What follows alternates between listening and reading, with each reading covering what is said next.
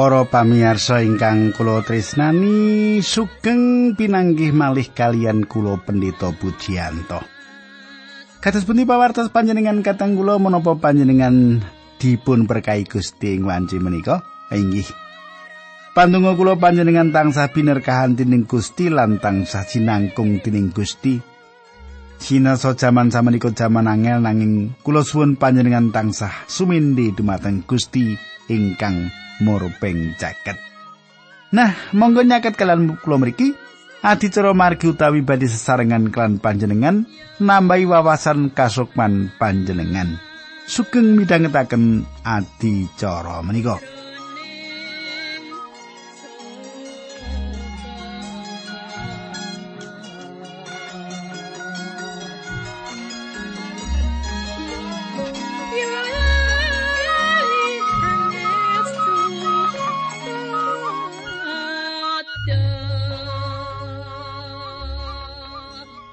Para pamirsa ingkang kula tresnani, kepengker kula sampun nderekaken panjenengan nyemak kalih Korinta bab setunggal ayat sekawan ngantos kalih dosa nggih.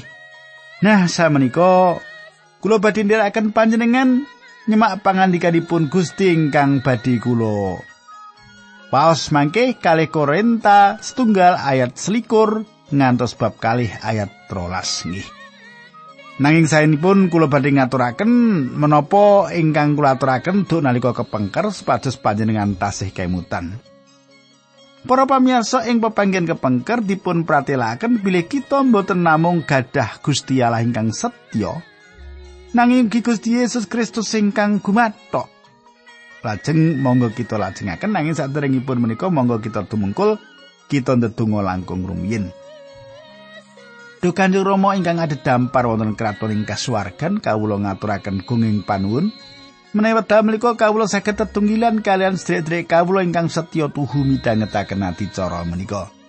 Kawula nyuwun Gusti berkahi adicara menika dinten menika supados kawula binerkahan dening Gusti Allah. Dinambaran asmanipun Gusti Yesus Kristus kawula ndedonga haleluya amin.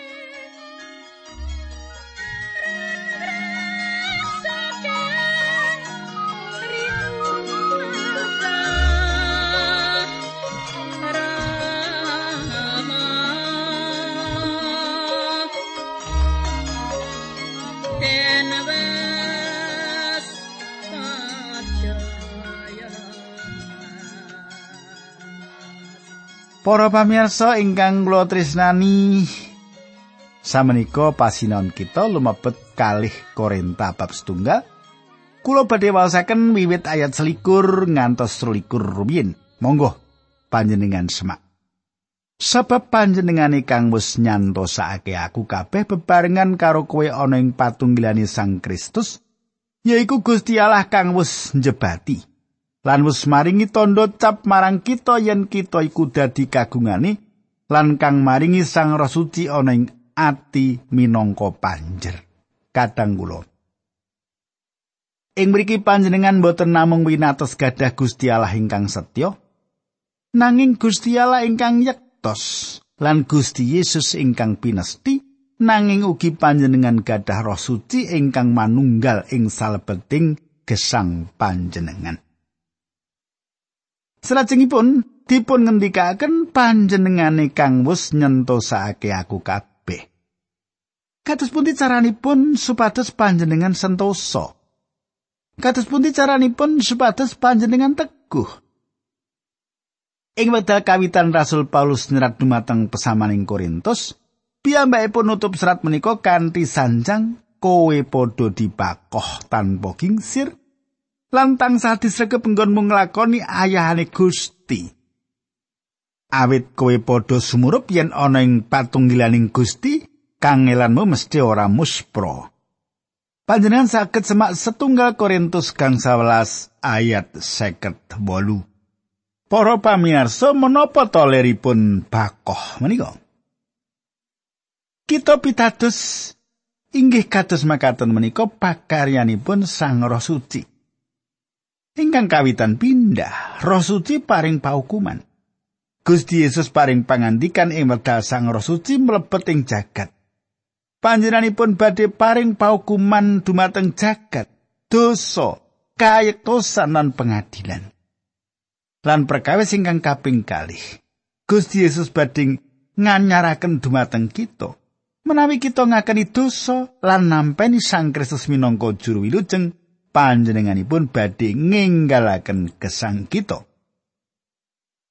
Lan panjenengan boten winates nganyaraken kita nanging panjenenganipun badhe manunggal ing salebetipun kita. Panjenenganipun boten namung manunggal ing salebetipun gesang kita nanging ugi badhe mbaptis kita. Kadang kula pratelo ingkang salajengipun dados kawigatosan kita sebab panjenengane kang wis nyantosake aku kabeh bebarengan karo kowe ana ing patungirane Sang Kristus yaiku Gusti Allah kang wis njebati. Gusti Allah ingkang pundi? Sampun tentu Gusti Allah Sang Roh Suci ing wekdal panjenengan dipun lebetaken ing salebetipun Sang Kristus dening baptisan Sang Roh Suci panjenengan dados perangan badan panjenenganipun. Inggih menika ingkang Sang Kristus tindakaken kangge panjenengan samenika panjenenganipun nginggalaken panjenengan panjenenganipun makuwon ing gesang panjenengan lan panjenenganipun baptisaken panjenengan.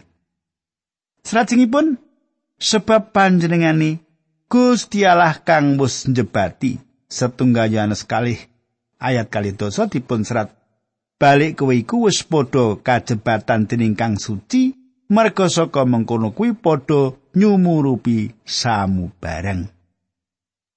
Jebatan menika asalipun saking Sang Roh Suci. Kita mbetahaken Sang Roh Suci ingkang mimpin lan nuntun kita ing salebetipun samukawis kayektosan. Sebab jebatan kang wis padha kok tampani saka panjenengane tetep ana ing kowe, merga saka iku kowe ora perlu diwulang dening wong liya. Nanging kaya dene bab anggone njebati iku mulang marang kowe bab samubarang lan piwulangi iku nyata. Ora goroh lan kaya dene anggone panjenengane biyen wis mulang marang kowe mengkono uga kowe padha tetep ana ing panjenengani setunggal Yohanes kalih ayat pitulikur Pelatusan Sang Roh Suci saestu penting. Panjenengan gadah Sang Roh Suci ingkang mucal panjenengan. Lan panjenenganipun kemawon ingkang saged nerangaken pangandikanipun Gusti dumateng panjenengan. Gusti Yesus paring pangandikan dumateng umat kagunganipun. Isih akeh perkara kang perlu ndak tuturake marang kowe, nanging saiki kowe durung bisa nggayuh. Nanging yen sang juru panglipur iku rawuh, yaiku roh ing kayekten, iku bakal nuntun kowe marang kayekten sak sampurnani. Panjenengan saged cemak Yohanes 16 ayat 12. Panjenenganipun ngersakaken nuntun panjenengan dumateng samukawis kayektosan. Para pamirsa, salajengipun kaacapa minangka tandha menawa kita dadi kagungane inggih menika pelatusan ingkang gumunaken saking Sang Roh. Lan kowe aja gawe sekele Sang Roh Allah kang suci kang wis ngecap kowe kanggo ing dina pangentasan. Efesus sekawan ayat 3 dosa. Menapa saged dados sekeling panjenenganipun? Mboten. Panjenenganipun ngecap kita lan badhe milujengaken kita satunggal wekdal mangke. Sedaya serat resmi pancing ginakaken metre. Marang seksiku aku menehi tondo. Cap inggih menika tembung ingkang dipun ginakaken wiwit jaman Inggris kino ngantos samenika. Metre menika cap tondo tiang gadah satunggalipun barang ing jaman kawitanipun ing negara barat. Ewedal tasih dereng wonten pager tiang ingkang ngingah kewan badhe ngecap kewan-kewanipun. Cap menika dados tondo menawi kewan menika wonten ingkang gadah. Sang Roh Suci ngecap panjenengan kangge nedahaken bilih panjenengan menika kagunganipun Gusti Allah. Para pamirsa, menawi panjenengan menika mindo alit kagunganipun Allah, panjenengan boten badhe kesasar. Saged ugi panjenengan badhe kesasar nanging Sang Roh Suci tentu madosi panjenengan. Sang Roh Suci dipun gambaraken ing salebetipun pasemon Lukas. Lukas nyanempakaken satunggal wanita ingkang nyapu jogan madosi dirham ingkang ical ngantos wanita kala wau manggihaken. Semak Lukas kang 11 ayat 8. Lan ingkang maringi Sang Roh Suci ana ing ati minangka sinebat panjer saged ugi langkung saya dipun jarwaken kowe bener-bener diparingi roh suci ing sajroning ati. Kadang kula menawi panjenengan nyukani panjer kangge griya, patrapangkatan satunggalipun janji bilih panjenengan badhe mbayar regi griya menika, nggih? Kanthi cara menika Gusti Allah maringi Sang Roh Suci dumateng kita ingkang nedahaken tasih wonten kathah malih ingkang dipun tambahaken. Menika saestu tapi-tapi. Ing wekdal tiang tumbas kriya kanthi ngangsur saged ugi tiang ingkang tumbas badhe rugi sinaosa piyambakipun sampun bayar panjer atas barang menika. Gusti Yesus sampun numbas kita ngangge rahipun.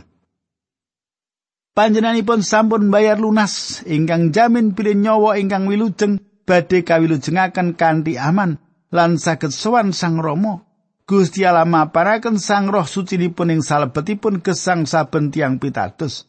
Panjenenganipun mlebet ing salebetipun gesang tiang pitados supados kapenuhan Allah ing salebetipun pengalaman-pengalaman kita. Menapa ingkang panjenengan betahaken ing wekdal samenika? Para pamirsa.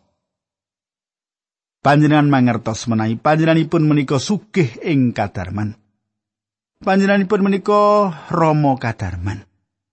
menapa ingkang panjenengan betahaken kenging menapa panjenengan boten sowan dumateng panjenenganipun lan nyuwun saking panjenenganipun? Menapa panjenengan betahaken kekiatan? Menapa panjenengan betahaken kabingahan? Menapa panjenengan betahaken kawicaksanan? Menapa panjenengan betahaken pitulungan? Sedayanipun menika panglipuran panjenenganipun Allah sumber samukawis panglipuran. Paulus mangertos perkawis menika piyambakipun nate nglampahi. Kita lajengaken ayat 23. Nanging aku nyebut marang Gusti Allah minangka seksiku, panjenengane iku nguningani menawa anggonku ora sida teka ing Korinta sebab aku ngeman kowe. Kadang kula Paulus meratelaken pilih menawi piyambakipun dumugi riyin-riyin. Piyambakipun sampun ngrampungaken menapa ingkang dipun tindakaken ing salebetipun serat kiriman kawitan. Panjenengan sampun mangertos bilih tunggal Korinta kebak kalian bab-bab ingkang kabeneraken. Paulus saestu-estu keras ing salebetipun seratanipun menika. Pepuntonipun piyambakipun sanjang. Menawa aku teko aku bakal keras marang kowe. Nanging aku ngeman aku kepengin ndeleng apa kowe bisa nindakake dhewe. Kita lajengaken ayat 24. Ora mergo saka nggonku kepengin merentah, apa kang kudu kok percaya awit percayamu sentosa. Nanging aku padha kepengin melu mbiyantu nenangi. Panjenengan katasaken, Paulus katus-katus sanjang aku dudu pangon nyawamu. Aku ora gelem nguasani kowe. Kowe duwe kamardikan buta ing sajroning Sang Kristus. Aku mung kepengin dadi tukang nulung kabunganmu awet kowe ngade jejeg ing sajroning imanmu. Panjenengan lan kula kedah bakoh ing salebetipun iman. Paulus nebih kalian pesaman Korinta supados pesaman dipun kiyataken lan supados pasaman menika tuwuh ing salebetipun Gusti. Lan inggih menika salah setunggal sebab Gusti Allah ngidinaken sawetawis saking kita nglampahi kangilan lan rekoso ing salebetipun gesang. Samenika pasinon kita lumebet ing kalih Korinta kalih. Serat kentunan menika mucal kita kegayutan kalian kayektosan kayektosan ingkang ngeram-eramaken kegayutan panglipuran Allah. Ing pasal setunggal kita sinau panglipuran Allah atas rancangan-rancangan gesang. Ing mriki kita sinau gegayutan panglipuran Allah ing salebetipun mulihaken tiang-tiang suci ingkang damel dosa. Saderengipun Paulus mlebet ing pirembagan menika, Paulus tasing lajengaken pirembaganipun saking pasal setunggal. Paulus nyebataken kenging menapa piyambakipun boten dumugi ing patuwen saderengipun. Salajengipun Paulus nyetakaken gegayutan tiang-tiang suci ingkang dosa ing salebetipun pesaman Korintus. Pungkasanipun piyambakipun nedahaken bilih Gusti Allah kemawon ingkang maringi kamimpangan dumateng kita ing salebetipun Sang Kristus. Para pamirsa kita lajengaken bab kali ayat setunggal nggih wis teko bab loro sama nika nggih. Makaten surasipun, ing kabunganmu ing sajroning atiku aku wis netepake menawa kita ora bakal nekani kowe meneh kelawan susah. Para pamirsa Paulus ngakeni menawi piyambakipun alit ing manah dumateng pesaman Korintus. Menawi piyambakipun dumugi nuweni pesaman menika, menika liripun piyambakipun wonten ing kahanan nandang sengsara. Ayat kalih, awit Menawa aku kang gawe sedihmu, sapa meneh kang bisa gawe bungahku kejaba kang padha sedih marga saka aku? Paulus mboten purun dumugi ing salebetipun penandang ingkang kedah mawi eluh. Piyambakipun tentu adamel pesaman sami nangis ugi menawi kados makaten sinten ingkang adamel Paulus lego. Pesaman saya tentu nangis soro lan dipun tutupi kaju. Ayat 3 lan yaiku karep layangku iki yaiku supaya menawa aku teka aja nganti aku sedih marga saka wong-wong kang kudune padha gawe bungahku sebab aku yakin ing bab kowe kabeh menawa kabungahanku iku ya kabungahanmu uga Para pamiyasa Paulus gadah kekajengan supados pesaman Korintus sasukurna Paulus gadah pengajeng-ajeng pawartos saking pesaman Korintus singkang meratelaken bilih pesaman sampun dandosi perkawis-perkawis ingkang sampun dipun serat. Selajengipun Paulus mbikak manahipun dumateng pasaman ing Korintus. Bab kalih ayat sekawan. Sebab enggonku nulis marang kowe iku ana ing satengahing kasusahan lan sumpeke ngati kang banget lan kanthi ngruntuhake luh akeh. Ora supaya kowe dadi sedih, nanging supaya kowe padha sumurup sepira gedene katresnanku marang kowe kabeh. para pamirsa. Kathah tiang jaman samenika cecongkran kalian juru khotbah medal sang juru khotbah ngelantaraken dawuh pangandikanipun menika radi keras. Kala-kala pemut saking pangandikanipun Gusti Allah badhe saestu menet manahipun pesamuan. Wonten ingkang gadah pemanggih pilih pendeta mboten kedahipun khotbah keras. Nanging pendeta ingkang setya kedah nindakaken kados makaten menika. Paulus sing salebetipun kalih Timotius sekawan ayat tunggal ngantos kalih meratelaken Aku pitutur marang kowe sak temen-temene ana ing ngarsani Gusti Allah lan Gusti Kristus Yesus kang bakal ngadili wong kang urip lan mati demi ngatingali lan demi kratone. Kowe nggelarno pangandika semanggemo ing wektu kang becik utawa ing wektu kang ora becik. Melehno apa kang luput nyrengenono lan mituturane kalawan sakaing kesabaran lan piwulang. Para pamirsa, sinten kemawon ingkang jumeneng ing mimbar jaman samenika gadah tanggal jawab kangge ngemotaken tiang ingkang lepat. Kadah tiang suci ingkang boten remen patrap makaten menika. Paulus nyukani mangertos ing mriki srengen ingkang dipun tindakaken menika boten awet lumawan tiang-tiang menika. nanging awet saking anggenipun tresnani. Pendeta ingkang setya nedahaken katresnanipun kanthi mucalaken pangandikanipun Allah kados menapa wontenipun lan boten ngatok dumateng pasamuan. Kadang kula, kula emutaken panjenengan bilih ing salebetipun serat kawitan Paulus dumateng pesaman Korintus. Paulus rengen pesaman sebab pesaman ngejaraken panerak kasusilan ageng-agengan ing salebetipun pesamuan. Pesamuan gada perkawis laku bedang ing salebetipun pesamuan. Sedaya kendel kemawon. Nanging patra pesamuan kados-kados tiang ingkang rohani. Jinis panerak kasusilan ageng-agengan menika dados horeking tiang kapir. Nanging pesamuan malah nyepeleaken. Paulus nyerat dumateng pesaman Korintus supados nglencengaken perkawis menika. Paulus niat menapa ingkang kedah dipun tindakaken dumateng tiang-tiang ingkang damel kisruh menika. Paulus niat wong kang padha nandhakake piala iku tundungen saka ing tengah-tengahmu. Setunggal Korintus 5 ayat 13. Pasaman gatosaken Paulus. Pasaman mencilakan tiang-tiang menika.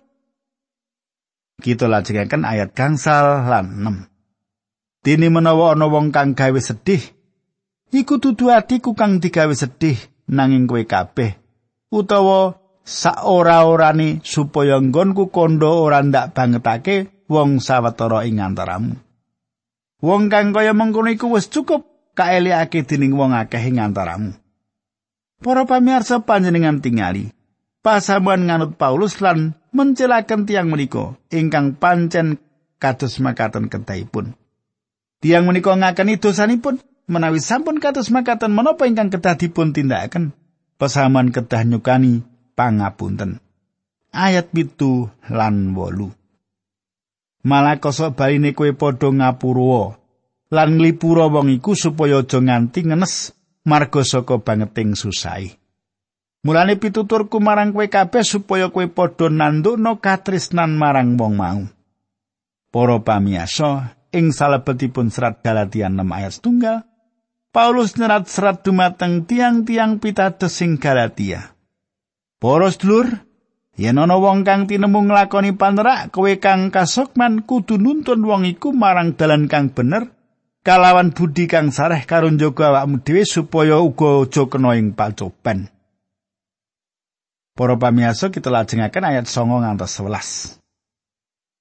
Awet yo iku tujuan yang nggonku nulis layang marang kowe ya iku kanggo ndadaro kowe. Apa kowe padha tetep mituha ning samubarang kabeh? Awet sapa kang kok apura kaluputane iku ya ndak apura. Sebab yen aku ngapura saupama ana kang kudu ndak apura nggonku ngapura iku marga saka kowe ana ing ngarsane Sang Kristus. supaya iblis aja nganti oleh kauntungan kang tumuju marang kita sebab kita semurup apa kang dikarepake. Kadang kula, iblis mbudidaya ngginakaken satunggal utawi sanes cara. Kala-kala iblis adamel kita nutup meripating panerak kasusilan ingkang ageng.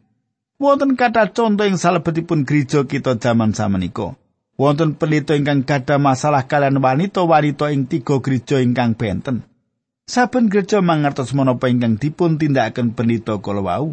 Nanging gereja-gereja menika tasih purun nampi pendhita menika dados gembalanipun. Kanthi merem ing panerak kasusilan ingkang ageng pasal menika nyakiti manahipun Gusti Yesus Kristus. Saupami pendhita menika mertobat lan saestu nilaraken dosanipun pramila pesamuan kedah ngapunten pendhita menika. Emanipun Kathah sederek kita ingkang wangkot mboten purun ngapunten menapa kemawon. Inggih menika pakaryanipun iblis ingkang sami kalian merem dumateng tiang ingkang nerak kasusilan ageng. Iblis pikantuk kauntungan ageng saking tiang Kristen menika awet tiang-tiang Kristen menika mboten purun ngapunten. Para pamirsa, wonten kali perkawis ingkang kirang kita pirengaken ing gereja-gereja kita. Kita mboten mireng tiang ngakeni dosa-dosanipun lan nyuwun pangapunten. Kita ugi mboten mireng tiang-tiang ingkang ngapunten kita. Kita perlu emet bilih kita sedaya sanggup adamel dosa menapa kemawon. Menapa kemawon ingkang tiang sanes tindakaken, kita ugi saged nindakaken. Menawi tiang menika mertobat saking dosanipun, tiang menika badhe kapulihaken ing salebetipun roh sareh. Tiang menika dipun beto malih dateng patunggilan, menika perangan peladusan. menika peladosan agung leres to ayat kali welas nalikani aku tekaning terwas perlu martakake Injil Sang Kristus aku wis kawenganan lawang dening Gusti ana ing kono panjenengan katosaken Paulus kisah dateng terwas lan ing mriku piyambakipun manggihaken margi tinar buko Gusti Allah ngersakaken Paulus manggen ing mriku lan martosaken Injil mboten kok nglajengaken lampahipun dateng Korintus sing wekdal semanten Paulus mboten plan piyambakipun setya. Paulus setya wawengan ingkang Gusti Allah paringaken dumateng piyambakipun. Amin. Para pamirsa, kula cekapi semanten rumiyin dilajengaken dinten candhaipun. Monggo kita ndedonga. Dukan jero mung swarga kawula ngaturaken gunging panuwun. Menawi menika kawula saged mirengaken sabda pangandikan paduka. Kintenipun Pangandikan paduka menika dados kegiatan wonten ing gesang sedherek kawula menika. Dinambaran asmanipun Gusti Yesus kawula tunggu. Haleluya. Amin.